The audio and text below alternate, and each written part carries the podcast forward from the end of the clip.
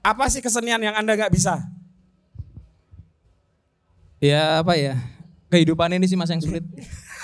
Kehidupan ini kan kesenian ya.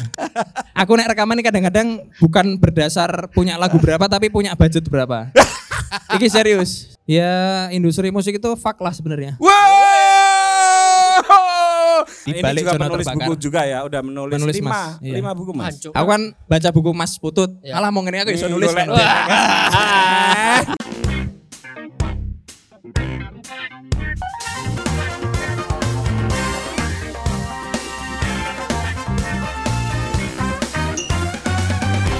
Halo, selamat sore teman-teman. Sore. Eh, Tenda-tenda. Oke, teman-teman, ini langsung satu lagu dari Nuran Wibisono. Jancuk nyanyi apa aku bos? Ya teman-teman terima kasih ketemu dengan saya Putu TA. Eh, saya diminta untuk memandu acara podcast live on stage bersama Mas Jono terbakar tapi orang untuk metuse Ran. Oh, disimpan tapi untuk nanti. saya perkenalkan dulu ini co-host saya seorang jurnalis musik yang sangat terkenal Ojo ndredeg Ran. Enggak juga. Nggak mau mereka bar nyambel ya. Deg-degan ya, tanganku ya gemeter ya. Tes tes metu ra suaramu. tes tes metu to. Ah. Karo iku ngeset itu ya. Iya. Oke. Oke, Bro. Iya. Mantap. Nah, oke. Nuran, Siap, Mas. sebelum kita panggil, kita perkenalkan dulu eh, calon narasumber kita. Betul. Seorang seniman multi talenta. Betul. Ora usah maca ngono. Aku amatiran ya. kudu kudu nyontek ya. Eh, Dia beliau itu dosen tapi juga sekaligus musisi sekaligus pernah bisnis eh, roti. dan sekaligus pernah juga jadi tukang pijet. Tukang masih nanti akan Oh, masih kita ya? praktekkan Oke. mijet Mas apa? Putut ya. Za- Yokon. Pijet ala salah tiga katanya. Oh ya, Iya, khas. khas salah tiga Ya. Zamatera ya. Zamatera. Bener ya? Bener kalau Iya, salah. nanti kita tanya- akan tanya banyak. Tapi apa keunikan narasumber kita kali ini, Ran? eh sebagai seorang musisi dia itu sangat produktif. Sampai saat ini dia sudah mengeluarkan 31 album. Nah, Jadi kalau misalkan satu album itu isinya 10 berarti udah lebih dari 300 lagu. Iku carane nulis nanti kita tanya Iya, itu nanti kita bisa tanya. 31. Betul. Ngalah-ngalake sing nulis buku. Betul. Nulis buku siji wae abot ya. Iki 30 siji. Eh, Gitu. eh, dan Mas. kekhasannya adalah berani tampil sendiri dulu ya. Betul ya, sebagai musisi solo dia juga sangat menguasai panggung, komunikatif dengan penonton. Nanti kita uji apakah komunikatif Betul. atau enggak. Mari Kalau eh, tenda-tenda itu ikut tertawa ya Berarti- komunikatif. Ya, ya. betul. Oke, langsung kita panggil saja. Jono. Jono terbakar mengemas. Wih. Oke, mau nggak pinar mas? Atau mau duduk di sini ya nggak apa-apa? Ah. Wih. Pertanyaan saya akan saya mulai dengan kacamata minus berapa mas? Ini eh, minus 9 minus 9 Mas. Oh, Sebenarnya saya ngejar kacamatanya plus, eh, kelakuannya yang minus aja. Tapi Iya. ternyata minusnya banyak juga. gimana kalau sampai 11 gitu? Eh, 11 bisa. Eh, ben ketok di mata anda itu langsung terjadi pertandingan sepak bola. Boleh. AI Mas AI. ChatGPT. Terus masih tentang kacamata mas. Kenapa selalu ada kayak bunda non sewu? Ini apa mas? Ini karet kadang-kadang ya, di sini juga karet ada. Jadi kebetulan saya kan kemarin sempat tes ini Mas psikologis ya di dokter jiwa. Itu hasilnya tuh salah satunya hiperaktif. Terus eh, mungkin salah satunya karena itu. Cuman yang justru menarik itu waktu saya cek komen-komen di YouTube, ada di video saya tuh Mas Jono adalah eh, cerminan musisi yang prihatin. Ono sing komen ngono Mas. Nah. Kacamata atau bener. Enggak itu memang gampang patah terus disambung gitu atau Iya, jadi sebenarnya nggak sudah patah pun kekhasan? saya kasih ini plester. Jadi biar, Biar apa? kayak saya tuh dicitrakan jelek gitu, nggak punya uang. Padahal kenyataannya begitu juga. Ah, ngora, yo. merendah. pencitraan mas, pencitraan. Oke, Ran sebelum kamu tanya-tanya ke Mas Jono terbakar soal musik beliau. Eh sebetulnya Mas Jono terbakar ini jago main musik kan. Klasikan lagi. Ah, bisa membayangkan itu. Ya, klasikan lagi. Tapi kenapa ya kok seolah-olah mainnya agak seenaknya gitu?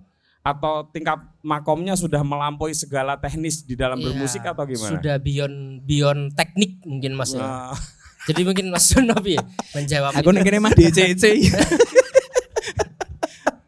Iya iya. ya, ya. Oke, eh, silakan Ran. Jadi eh, aku sebenarnya pengen nanya eh, kemarin seorang teman cerita bahwa Mas Jono ini punya profesi yang unik. Ya itu tadi ya seperti yang kita sebut tadi pernah jadi tukang pijat dan katanya sampai sekarang dan sekarang beliau pekerjaan full time-nya adalah dosen pariwisata di Universitas Terbuka. Kenapa terus membuat musik di sela-sela kesibukan itu sih, Mas? Oke, jadi sebenarnya di tahun 2017 Mas, itu kan masa-masa transisi saya antara mau jadi apa gitu. Nah, di situ waktu lebaran saya ingat ada teman-teman yang udah kerja di bank, kerja di mana, udah punya jabatan tuh pulang ke Jogja. Terus saya kumpulin, saya bilang, "E, saya tak jaga di Jogja aja, kalian kalau pulang ada temennya, terus saya mau jadi seniman, saya bilang gitu. Waktu itu. Terus ah, dari situ saya mikir seniman tuh ngapain kerjanya saya nggak tahu gitu. Akhirnya saya bikin lagu, saya bikin lirik. Jadi setiap hari itu saya menargetkan minimal berkarya satu atau memproses karya gitu. Akhirnya yang saya lakukan itu terus menerus. Nah profesi-profesi yang formal lainnya itu sebenarnya karena pandemi aja sih mas. Jadi waktu pandemi saya cari kerjaan, sekarang mulai goyang lagi.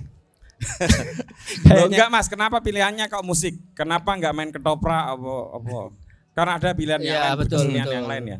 Seni rupa, bikin Kan patung. kita ya nek dadi dagelan kan ya oke juga kan Mas. Oke mas, cuman MC ngono kan ya ora kalah karo Mas Ali Jabang Bayi ngono. wah ya kalah mas Nabi mas. Ya ora, ya engko tak menangis. Tapi kalau eh, kenapa musik tuh karena misalnya dagelan tuh kan orang harus lucu, cuman secara natural kan kehidupan ada lucu dan tidak lucu mas ya. Jadi kalau musik tuh menghibur tidak menghibur itu menurut saya nggak masalah gitu. Sedangkan kalau kita jadi pelawak harus lucu, ada harus. Kalau jadi perupa ya harus bisa melukis, menggambar dan lain-lain harus bisa antara bisa atau berpura-pura bisa misalnya gitu. ya tapi kan Anda bisa menggambar juga kan memang. Saya juga sedikit banyak gambar tapi nggak bisa mas, Hah? nggak bisa saya. Bisa. Saya Saya slogannya lihat gambar, I can gambar- draw gambar- mas, Hah? I can draw. Pokoknya sing tak dol I can draw. Gak iso gambar. Nah, pertanyaan saya sebelum Nuran tanya soal teknis te- teknik uh, uh, musikalitas dan lain-lain yang saya nggak ngerti ya. Apa sih kesenian yang Anda nggak bisa? Ya apa ya, kehidupan ini sih mas yang sulit. kehidupan ini kan kesenian ya, sehari-hari kita. Seni menjalani hidup ya. Mm-mm. Saya tuh pernah di ini mas dikasih wejangan sama Bu Jenny PSBK. Jadi Ya, kenapa ya, ya, sih? Bu Jenny, ya, ya. kenapa berkesenian gitu? Kalau misalnya di barat kan kesenian ada panggungnya seperti ini ya. Hmm. Sedangkan di Indonesia, di Jawa ini kesenian tuh di dalam kehidupan sehari-hari. Makanya orang tuh nggak harus pentas gitu. Oh. Nah itu sangat mengena kalau buat saya. Jadi saya menganggap kesenian utama saya ya kehidupan itu. Outputnya bisa musik, bisa tulisan, apa pun gitu. Oke. Terus kenapa PD bikin lagu yang misalnya kayak 10 detik atau sekian detik? Itu apa? Atau semacam mau cari terobosan di dalam bermusik atau gaya apa piye? Kalau seben- sorry ya Mas, kalau saya ngomong cangkem kuwi sok-sok ngono kuwi. Iya mas. Diwari Mas Dodok ya lho. Iya. Iya. Om Dodo Hartoko. Tergantung settingannya mas, nek kon dobos aku dobos mas. nek kon jujur aku jujur. Enggak, kenapa Mas? Kok berani, oh, Bu, ya, ya berani, berani bikin eh, durasi musik yang sangat pendek. Eh, salah satunya dari guru saya namanya Pak Rahmat, guru Nek- gitar saya dulu. Nek nek ora nek ora ora golek dekengan pusat ngono piye Mas? Mau dekengane Bu Jenny, saiki gurune. Aku kan anu to Mas, wong iki apa nek istilahnya melu gurune ngono lho. Oh, Oh, oke. Ngalap- Samina ngalap wa berkah gurune. Ya, ya. Heeh. Oke. Padahal gurune wekah ditutke. Jadi menurut guruku itu kalau dalam bermusik itu kan harus bisa menghargai bunyi sama dengan menghargai, menghargai sunyi. Oh. Itu nilainya sama kalau di musik klasik ya. Kita berbunyi dua detik, eh dua ketukan itu ada berhenti dua ketukan tuh sama nilainya. Nah, ini juga bunyi nih. Nah, Heeh. Tapi kok enggak hening-hening? Oh, udah ini, nih. ini, ini, kan hening ki. Tadi ya. bunyi dan hening itu jadi satu kesatuan. Jadi mau 10 detik mau saya tidak main musik pun tuh ya main musik juga kalau menurut saya. Wih. Musiknya sekondi ya gue mas. Ya? Musiknya dari mana ketika kamu tidak bermusik? Ora paham. Ora paham, ora. Kira Camat. ora paham. ya? Camat. Makrifat ya? Mas cah, aku ijan nih son jelasin. Ora paham nih. Camat ini Orang kau. ngerti sunyi ya ke. Sunyi adalah suara yang sejati, ora ngerti. Jadi, Iya. Mas, jelasnya Mas. iya mas, iya mas. Ya oke mau dobos sih Mas. Rasanya yo males wae. Soalnya gini Mas. Aku nek rekaman ini kadang-kadang bukan berdasar punya lagu berapa tapi punya budget berapa. Iki serius. Album terakhir, Aku seneng wong jujur aku. iya. Iya. Album terakhir aku duit duit telung atau sewu. Hmm. Aku teko ning studio kota gede DS Record. Telung atau sewu untuk pirang jam? Yo tiga empat jam. Engko nek wis rampung tulung dingineke yo. Aku lan didit neh ngomong ngono. Ngene. Heeh. Stop, stop. Oke. Harong jam wis dadi sak album. Lah, Turai kita listening party lah. Dengerin Nek bareng-bareng. lagi ditanggap koyo ngene iki ya ngono kuwi ra. Ngene iki yo bisa jadi. Tergantung sih. Tapi ini kurang suasananya agak kurang menekan. Oh, Saya kan biasanya kerja berbasis tekanan. Tekanan budget tadi 300 ribu. oh, berarti cherry pop ini membayar Anda tinggi sekali. Iya ora juga sih. Ora juga. Keplok, ya. lapor pas kiki iki, honore kurangi. Oke, Ran, giliran Ran. Mau Sebenarnya iki HP-mu nek tiba loh. ora tak cekeli aman-aman. Sing menarik sebenarnya ada semacam perbedaan ya antara seorang Nihan nama asli beliau dengan seorang Jono gitu. Nihan itu ya itu tadi ya dengan pekerjaan-pekerjaan ajaib termasuk jadi dosen pariwisata dan Jono sebagai seorang musisi dan seniman itu tadi ya yang mungkin daya jelajahnya da- jauh ke dalam gitu ya. Eh, bagaimana dirimu membagi eh, persona-persona itu Mas dan kenapa pilihannya Jono dan kenapa Jono ini terbakar? Apakah terbakar oleh api semangat atau tekanan atau apa ya Mas? Oke.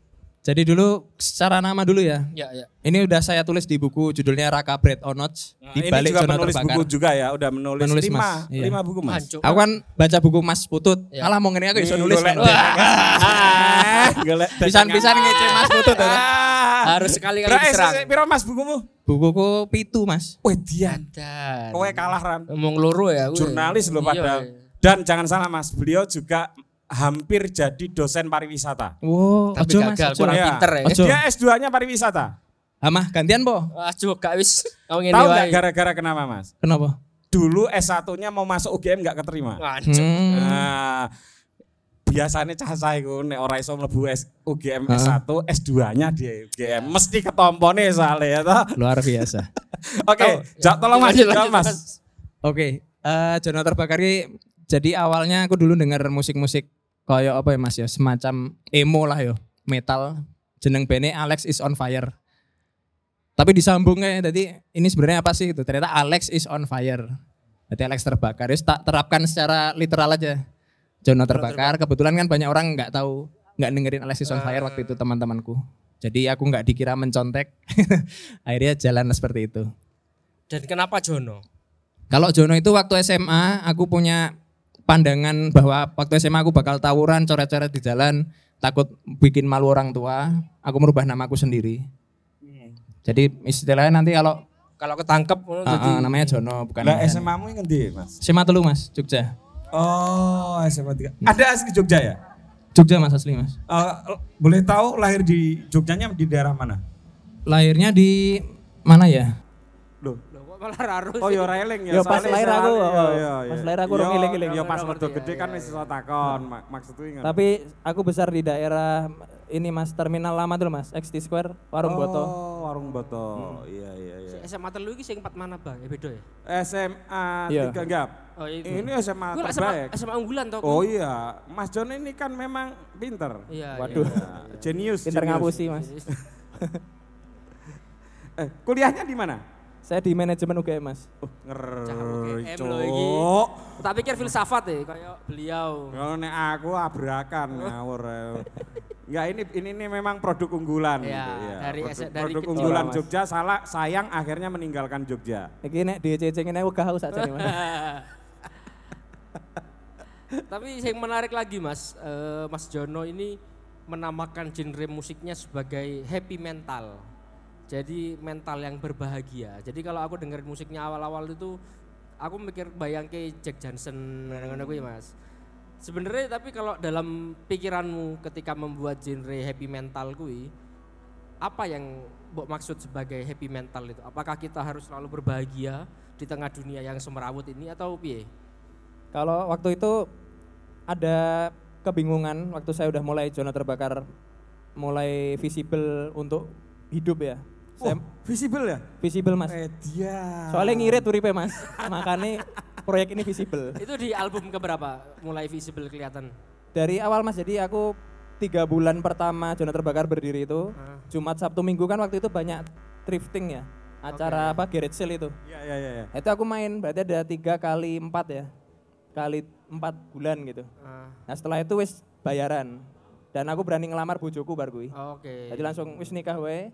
Aku adalah Jono terbakar. Ternyata angel juga bar kuwi. nah, e, pertanyaan tadi itu kenapa lali aku pertanyaannya Happy, ya. happy, Karena- happy. karena happy mental ini Oh, maksudnya apa? apa? Apakah kita harus bahagia, Nah. selalu bahagia Nah, meskipun semerawut uripe? dulu tuh punya semacam manajemen lah. Kita membentuk manajemen terus kita punya visi itu kalau kita nggak ngikutin pasar, musik kita nggak berubah. Saya kan banyak bercanda di panggung Betul. daripada mainnya. Jadi kalau dalam bentuk band misalnya gitu, saya bercanda berhenti kan teman-teman nggak tahu. Hmm. Jadi kayak semerawut gitu. Ah. Nah, kita harus mengikuti pasar supaya kita bisa lebih besar, diundang di Cherry Pop, Soundrenalin. Waktu itu berpikiran kayak gitu. Hmm. Tapi Su- su- akhirnya sudah kan? ya waktu itu lumayan lah ada yang mau ngundang lah gitu ya. Ya. Tapi ternyata ketika kita jalan tuh aku merasa sedih karena wah aku rasa sak aku dewe ki. Aku bikin karya tuh harus kira-kira orang mau dengerin nggak ya? Nah, Oh. akhirnya tuh saya rubah filosofinya jadi happy mental itu. Yang penting aku seneng, wong liya ora urusan. Karena mereka ra paham wae ngono. Nah ketika berpindah ke Solo gitu itu masih apa roh kayak gitu yang penting aku seneng itu masih Masih mas sampai sekarang. Sampai Makanya sekarang? kalau rekaman saya nggak pernah peduli ini didengerin atau enggak dan hasilnya ya memang nggak didengerin orang. Tapi minimal saya membuat karya gitu. Karena beberapa karya yang saya tidak expect untuk didengarkan orang. Ternyata ada orang-orang yang akhirnya DM ketemu saya, Mas, sing iki maksudnya apa toh? Nah, sing tak golek iku ya Mas aja nih. Se, sakjane, sakjane Mas. Sampean tau takon ra karo penggemar sampean. Kowe seneng mu- musik kuwi mergo ngopo? Penggemarku terbesar i awalnya bojoku, Mas. Saiki wis ora seneng. ora jelas soalnya. Kayaknya gawe lagu apa toh Terus terus lanjut. ya, ya. Nah, salah satu Masa nggak pernah nanya Mas neng penggemar gitu. Sakjane kowe seneng musik kuwi ngopo toh? kebetulan aku ora ngerti penggemarku sapa pertama, Mas. Oke oke. Terus aku salah satu validasinya tuh waktu aku akhirnya tur. Aku kalau nggak ada panggung waktu itu tur ya tahun 2017 18. Oke. Aku ke Jakarta. Nah, salah satu jawabannya itu waktu ke Ruang Rupa. Oh. Aku inget. Oh iya. Eh, terus ke Indah Henresa. Iya. Aku inget dikasih tahu mereka. Kayaknya kamu nggak cocok deh di industri musik. Mereka bilang gitu. Karena Kamu cocoknya di ruang rupa. Kamu ini seni rupa katanya gitu. ah kok ngono, aku tadi bingung tuh. Kayaknya karir ini nggak visible akhirnya. Oh, oh, sampean jawab apa waktu itu? Mungkin ya, karena selama ini saya mencoba untuk masuk-masuk ke festival-festival. Tahun ini kalau boleh jujur, saya kemarin WA ke Mas David Karto, Synchronize. Saya WA ke Mas Ucup, Eh. Pestapora. Tapora. Akan kami pertimbangkan, jawabannya cuma gitu. Buset. Jadi saya mikir, apa emang saya itu bukan musisi ya? Saya mikir gitu. Eh, eh. Apa saya memang hanya masyarakat sipil, Ah. wajib militer? Tapi lek bayanganmu kenapa? Bayanganku memang aku ora terkenal. Oh ngono ning podcast iki kayak salah anu, salah bintang tamu. Terus tadi tak tanyain toh, ini sebenarnya bintang tam- tamunya siapa? Mas Colil nggak bisa, Mas Ugo nggak bisa. Wah kok dijawab? Oh, Wah parah parah. Wah, sing- ngawur, jawab ngawur, iki? ngawur. Sing gampang Jono. Ngawur, ngawur, ngawur. Ora, Mas. Kuwi ngerjani, kuwi Ora, ngerjani. Mas. Aku sing jaluk, Mas. Iya, Tapi aku biasa biasa tadi juru selamat Mas aku. Dan biasa, wis biasa. Wah, arek arek ngawur. Ngawur. Ngawur, aku sing jaluk. Iya. Nek iso diselipke ono jono terbakar. Iya. Iki mau ngomong metu suara hati Mas. Rasa ngojo iki mau. Bercanda, bercanda, benar. bercanda, Iya, bercanda. iya, iya. Oke, Iya, iya. terus tad- itu tadi Mas. Enggak ini per- kenapa enggak kenapa enggak apa enggak dianggap sebagai seorang musisi oleh apa Indi masa ono elit-elitan sih Ran? Ono elit-elitan. Ono elit-elitan, Cuman kan iku mau apa? Kalau musisi Mas Jono bermusik untuk kesenangan itu harusnya aku mikirnya itu bukan jadi beban dulu loh Mas harusnya ya maksudnya ya ya wis ya bodoh amat lah orang amat, dengerin oh. apa enggak Ning ngono. ternyata yo daftar. Iya, ternyata yo daftar. Kudune orang daftar, Mas. Iya, Oh, Lah ngopo kok sampean iso daftar sinkronis barang? Ya tak pikir aku sih musisi ya, ternyata ora. Tapi aku pikir-pikir lagi ternyata kebetulan aku punya festival tahunan namanya Festival Jono Terbakar, Mas. Oke. Itu latar belakangnya adalah selama ini beberapa festival tidak mau mengundangku, aku nggak festival dewe wae. Ah, itu keren itu. Tepuk tangan teman-teman. Uh. Itu musisi-musisi pada datang ngantri. Iki lagi keren. Tak tolak-tolaki wae aja-aja. Kowe ning sinkronis wae wis Si tampil sapa wae biasanya kowe tok apa? Ora. Ora. Nek pas tahun-tahun yang beberapa tahun lalu Mbak Bonita datang. oh, keren, keren. Kebetulan di Jogja mau datang. Terus kemarin itu ada beberapa teman dari Jogja. Ini besok aku mau bikin di Jakarta, Mas. Karena beliau sekarang sudah pindah domisili ke Bogor nih. Iya, Wis sekarang ora seneng karo Yogya apa piye, Mas? Ora, Mas. Lagi anu, Ora yo terus terangi ra apa-apa. diseminasi klitih neng Bogor. Ya enggak kan bisa sama teman-teman mojok bikin festival Iya. Jono Terbakar Iya, di iya. Jare ini Jogja sampean meh kan. jogo Jogja kok malah minggat teng Bogor e. Oh, kuwi kan iso diatur, Mas. Kabeh-kabeh setak omongi sesuke ngapusi. Ayo Ran ben ketok wawancara tentang Iya, musik iya. Ran. Takon mek Ran. Iki menarik juga. Jadi Jono Terbakar eh, menerapkan konsep crowdfunding alias urunan lah. Urunan untuk membiayai albumnya. Kalau menurut Mas Jono apakah konsep crowdfunding alias urunan ini bisa dipakai sebagai opsa- opsi alternatif musisi untuk membiayai rekaman karena bikin rekaman itu budgetnya lumayan ya. Apalagi kalau misalkan konsepnya band, ada drum dan segala macam. Dan gitu. beliau pernah ini sekali bikin kan sampai baru berapa hari sudah dapat 12 juta, 13 juta. Iya. Salah ya. itu 15, Mas. 15 apa juta. bisa apa bisa jadi opsi alternatif nih untuk para musisi-musisi gitu menurutmu Menurut saya bisa, cuman saya udah crowdfunding mungkin ada 10 kali ya lebih ya. Hmm, Itu kalau kita sendiri nggak aktif membangun pendengar kita terus jawil-jawil crowdfunding 15 juta itu bisa karena saya japri semua temen FB saya satu persatu. Pakai namanya Mas, Mas Putut saya bikin crowdfunding, satunya Mas Nuran. Jadi kedekatannya personal kan. ya ya ya, ya. Kebetulan waktu itu saya habis hijrah. Saya dulu pernah cingkrang sama jenggot panjang, Mas. Jadi teman-teman tuh menurut saya membiayai saya masuk ke jalur setan lagi gitu. Eh. Makanya 15 juta. Nah, setelah itu nggak ada yang 15 juta. Jadi paling 5 juta, 7 juta. tapi itu untuk mem- membiayai album sangat cukup kan Kalau untuk format saya cukup, cuman kebanyakan band-band kan ngiyik ya, koken Favivu loh Mas. ya, ya. Aku ora seneng band-bandan no, wah ini kurang mixingnya, kurang gini, as karyane ra ono. Malah ra sido dirilis. Eh, nyindir sopo ya Mas wah parah Biasanya ngono soalnya nek ya, ya, band-bandan. ya. tapi kui ada pertimbangan estetik gak sih sebelum dirimu merilis album maksudnya eh, dengan albumnya 31 gitu dan kayak tadi dirimu bilang eh, dua jam wis rampung sa album ngono kui pertimbangan estetik ada nggak sih apa misalnya oh iki suaraku rada fals nang kene harus dibenerin Oh iya. Secara vokal hampir semua albumku nggak ada kecuali satu album di tahun 2017 yang pakai autotune. Hmm. Jadi akhir-akhir ini malah semakin ngawur karena liriknya aku belum ada di studio tuh. Duh, terus Jadi kalau udah ditodong mic leluhuri teko melebu, Mbak Wis ki sing ngomong dudu aku. Aku menerapkan konsep leluhur, Mas. trends ngono ya. Heeh. Semacam trends ngono. Saya iki guyon apa tenanan? Nek guyon tak takon meneh. Nek Tenanan iki, Mas. oh. Di beberapa Ya album karena ini- tenanan saya nggak tanya lagi lah. Ya. Di beberapa album tuh aku merasa itu bukan aku yang bernyanyi. serius iki Mas, serius. Wah, lah terus apa ngawur? Wah. Lah kuwi lek misale Apa ini bukan Nah ini nih gue kritik seni musik terus dudu aku sing nyanyi iya, ya, terus dikritik ya, Bos. Makhluk Eh, halus ya ya. memang gitu ya kehidupan tuh kadang-kadang Ya Mas Nuran sebagai penulis musik kan angel loh. makanya Ini ra yang nyanyi bukan Jono terbakar ini. makanya ra tau ditulis Mas Nuran. Oh ngawur. Karena wis konsepnya wis Ah. beyond musik ya. Ya Mas, kalau terlalu banyak bikin album, sampean mikir nggak satu, Anda bakal banyak nggak hafal lirik-lirik Anda sendiri. Pasti. Nah, yang kedua pendengar Anda juga bingung karena kakean sing kudu dirungokke. Ora wajib dirungokke juga. Wajib ke rasi. Soalnya Ora kudu. aku kalau pentas Mas kayak besok aku kan pentas habis maghrib ya di kayak apa nih? Ya. Aku Di sini ya, di panggung di mana? panggung itu yang kecil. Aku ora cocok naik gede-gede gini. Oh, oh, yang ini lebih termasuk panggung besar ya? intimate terus bludak menontonnya. Jadi Wow. kayak citrane wah kayak sing nonton. Rame. Wah. Ngono, cocoknya ngono. Oh gitu ya. Cocoknya ditonton segini-segini gitu. Oh, oh, wis kebanyakan lah. Ya. Eh, Brand brand image ku ira kayak ngene iki terlalu oke iki. Heeh. Aku tuh cuman punya 10 lagu Mas yang sebenarnya greatest hits. Yang orang-orang tahu ya.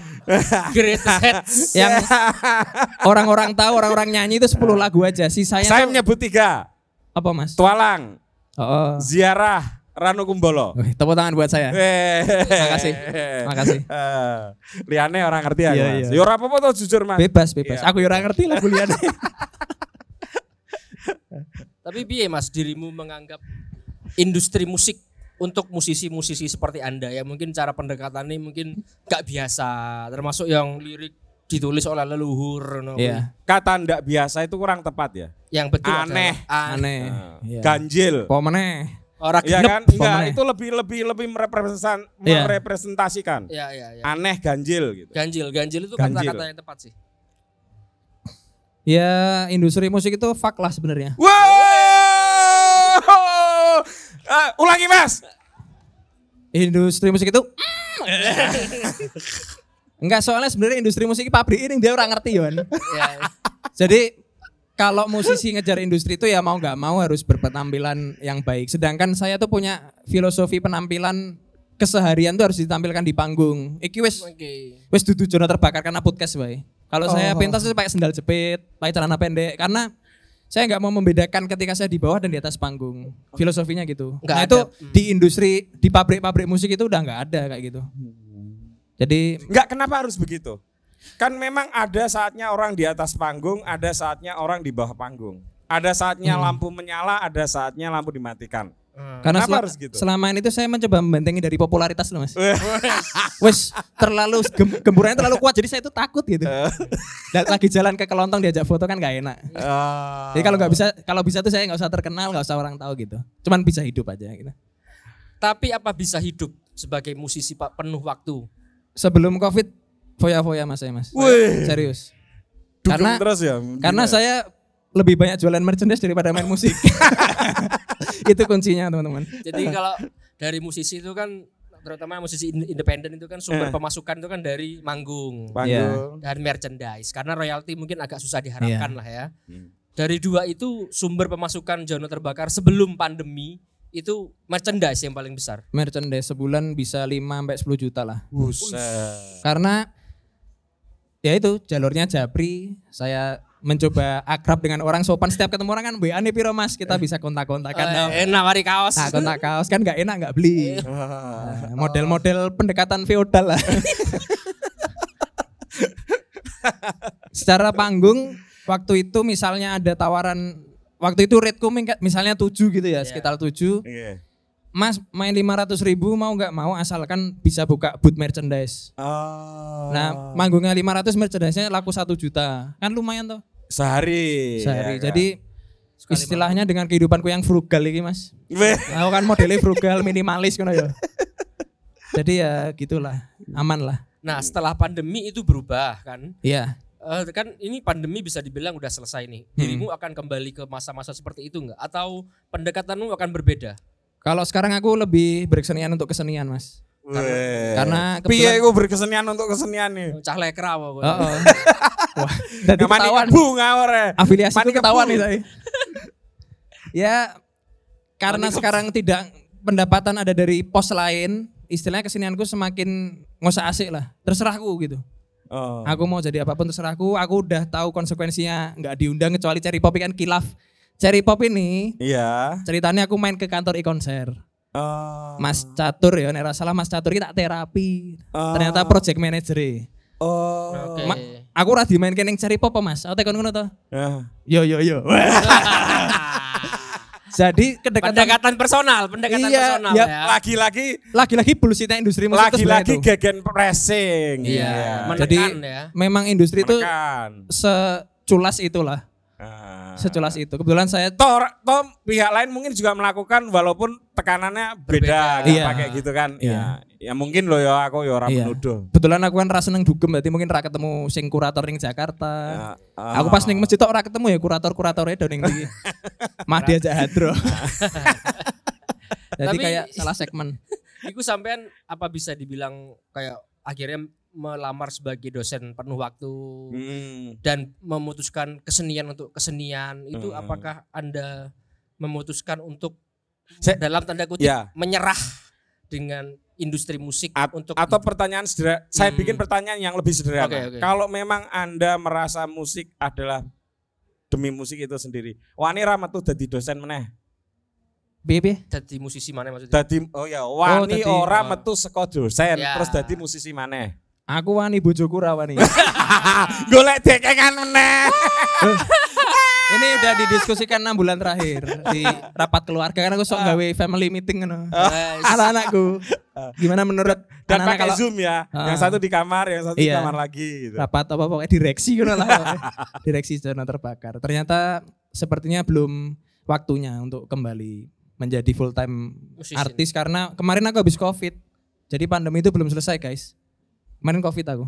Loh. Iya, iya. Iya, Iya. aduh aduh. Terus Rampung nanti ya. Jadi pandemi itu belum selesai. Iya, pan.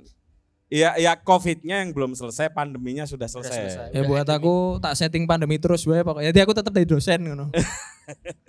ngono Mas Puput. Iya. Tapi ini dosen tetap. Tetap Mas. nah. Hmm. Ran kamu kan mau jadi dosen tetap juga ya? Akhirnya gagal juga. Gagal ya? Kurang pintar. Karena ya nggak aku. berani ya?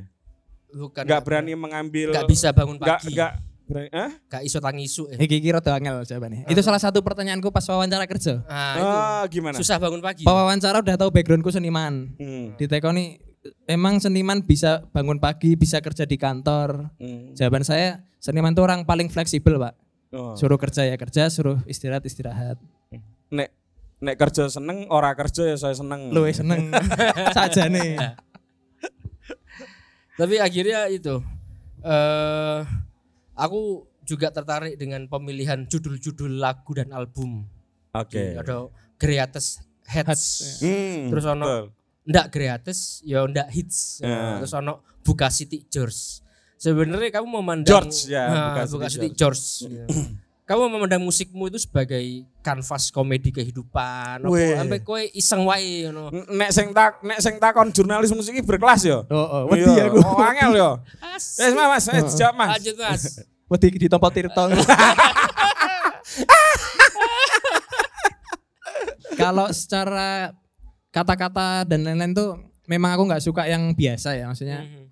suka plesetan itu memang suka terus menantang orang-orang berpikir dengan kata-kata tuh suka gitu.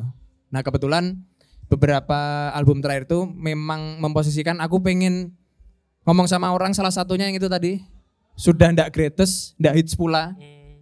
Itu aku pengen ngasih tahu kalau aku bisa janin cen orang meh gawe lagu yang terkenal, yang kamu suka gitu.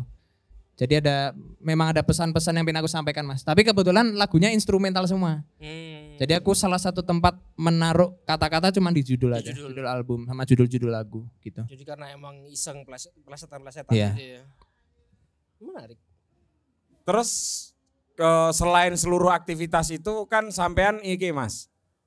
Kemudian jadi seorang pemijat tadi cerita di- soal cherry pop itu saya anggap tidak benar lah ya gitu. Ya, oke. Ya, tidak saya anggap tidak benar itu hanya lelucon. Tapi bahwa seorang Jono terbakar bisa memijat dan punya aliran pijat Zamatera ya. Betul ya. Itu gimana ceritanya? Jadi eh, Leluhur maneh, dekengan. leluhurnya kalau mau diceritain boleh tapi kayaknya banyak yang nggak percaya. Oke. Tapi kalau secara timelinenya tuh dulu saya sakit pinggang sampai kalau duduk gini lima menit tidur ketiduran. Terus saya periksain ke dokter saraf, MRI, saraf aman, saya dikasih obat kejiwaan. Saya dianggap stres. Jadi kebanyakan pikiran Dianggap atau memang stres? psikosomatis loh mas. Lah yo pacen stres nek kuwi.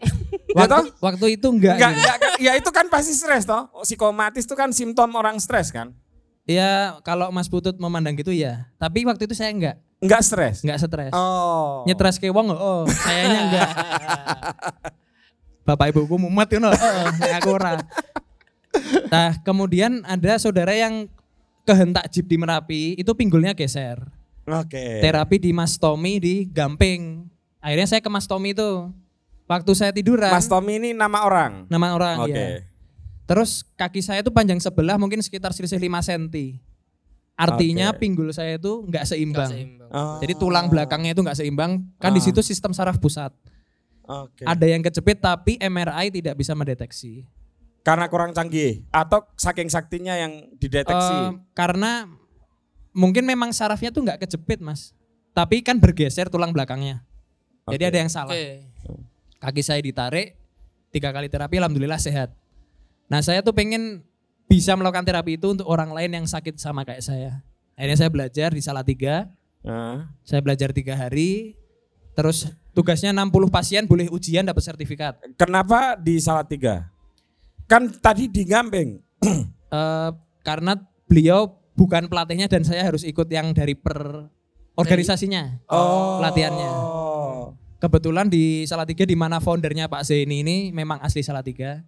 Saya eh, pelatihan di situ. Nah, terus jalan tahun 2018 musiknya agak kurang. Saya justru malah full time terapi. 2018. Nah, terus jadi kalau didefinisikan apa itu pijat Zamatera itu? ya kalau teman-teman mungkin nonton YouTube kayak kretek abal-abal gitu. Chiropraktik semacam itu. Oh, Oke. Iya. Sama itu ngasih nama Cak Nun, Mas. Oh, Jadi aslinya nama terapinya Yumeiho dari Jepang. Oke. Pak Zaini ini punya buku Yumeiho dipraktekkan di pesantrennya sampai diundang ke Jepang. Karena Jepang melihat kok testimoni dari Indonesia itu banyak sekali di YouTube. Oke. Waktu di Jepang dites, ternyata itu bukan Yumeiho menurut Yumeiho. Oh. Oh. Jadi pulang-pulang bingung. Yo yo pas karo sampean yo. Yo keluar dari Zamatera yo Jono terbakar itulah dalam versi pijat gitu ya. Ya semacam duta Zamatera lah harapanku. Jadi kita punya terapi sendiri yang mirip Yumeiho tapi Yumeiho tidak mengakui. Akhirnya eh, Pak Zaini ke Cak Nun minta nama dikasih nama Zamatera artinya Zaini Manipulation Therapeutic. Oh. Oh, ono Pak manipulationnya. Iya, jadi kan memanipulasi tulang belakang. Oh, maksudnya itu. Iya. Itu kalau saya dipijat gitu bisa. Bisa, bisa. Tapi Walau- butuh waktu lama ya, makanya enggak Kalau satu menit 30 detik nggak cukup. Enggak cukup ya. Oh, Oh. ono waktu Oh, aku lagi ngerti loh iya. Mas ono ngene iki. Heeh. Oh, nek Iki bom iki Mas neng bom. panggung iki. Neng panggung iki jebule ngene iki ya. Timer. Wah, Tapi itu untuk orang yang nggak ada kelainan atau nggak ada penyakit pun bisa dipijat. Bisa. Jadi intinya kalau setelah saya kebetulan bojoku dokter Mas. Jadi aku dan bojoku ini kayak beda Yo nek dok jadi dokter itu bukan kebetulan Mas, yo tena, sinau tenanan ning ngono kuwi. Enggak ya. enggak kebetulan itu. Abot kebetulan ya. nah, saya kira belum praktek kebetulan juga kan kebetulan jadi Oke. saya di sisi alternatif beliau yang di medis nah di situ tuh ternyata memang itu dua hal yang nggak bisa bercabang kayak barat dan timur gitu ya semacam gitu Oh, enggak filosofinya bisa beda enggak bisa saling melengkapi ya. ada orang datang ke saya Heeh. saya dulu takut gitu mas saya sakit ini bisa nggak saya sering bilang nggak bisa saya dimarahin guru-guru saya bilang aja bisa kamu terapi karena yang ngobati Gusti Allah Weh. kamu tuh cuman nanti tanganmu gerak sendiri ya. itu kejadian benar Iya, iya. jadi teman saya bilang kedutan matanya Hmm. saya nggak tahu kan cara ngobatinya gimana. Nggih, Saya nggih. cuma bilang oke, eh, coba hidungmu ditutup terus kamu kayak sisi gitu, Heeh. terus sembuh tuh, kedutan empat harinya sembuh. Nah itu momen-momen kayak spiritual gitu tuh memang sulit dipahami, tapi kalau kita yang menjalani ya itu kejadian sehari-harinya kayak gitu. Mas. Iki intimidatif ya wis mentek. Iya. Terakhir terakhir terakhir. Iya. Bang. Satu kamu satu, lagi ya. oke. Mas sampean iso nonton Medira. Pas cilik iso, akhir-akhir ini saya pulang dari Pulau Buru tempat makam nenek saya.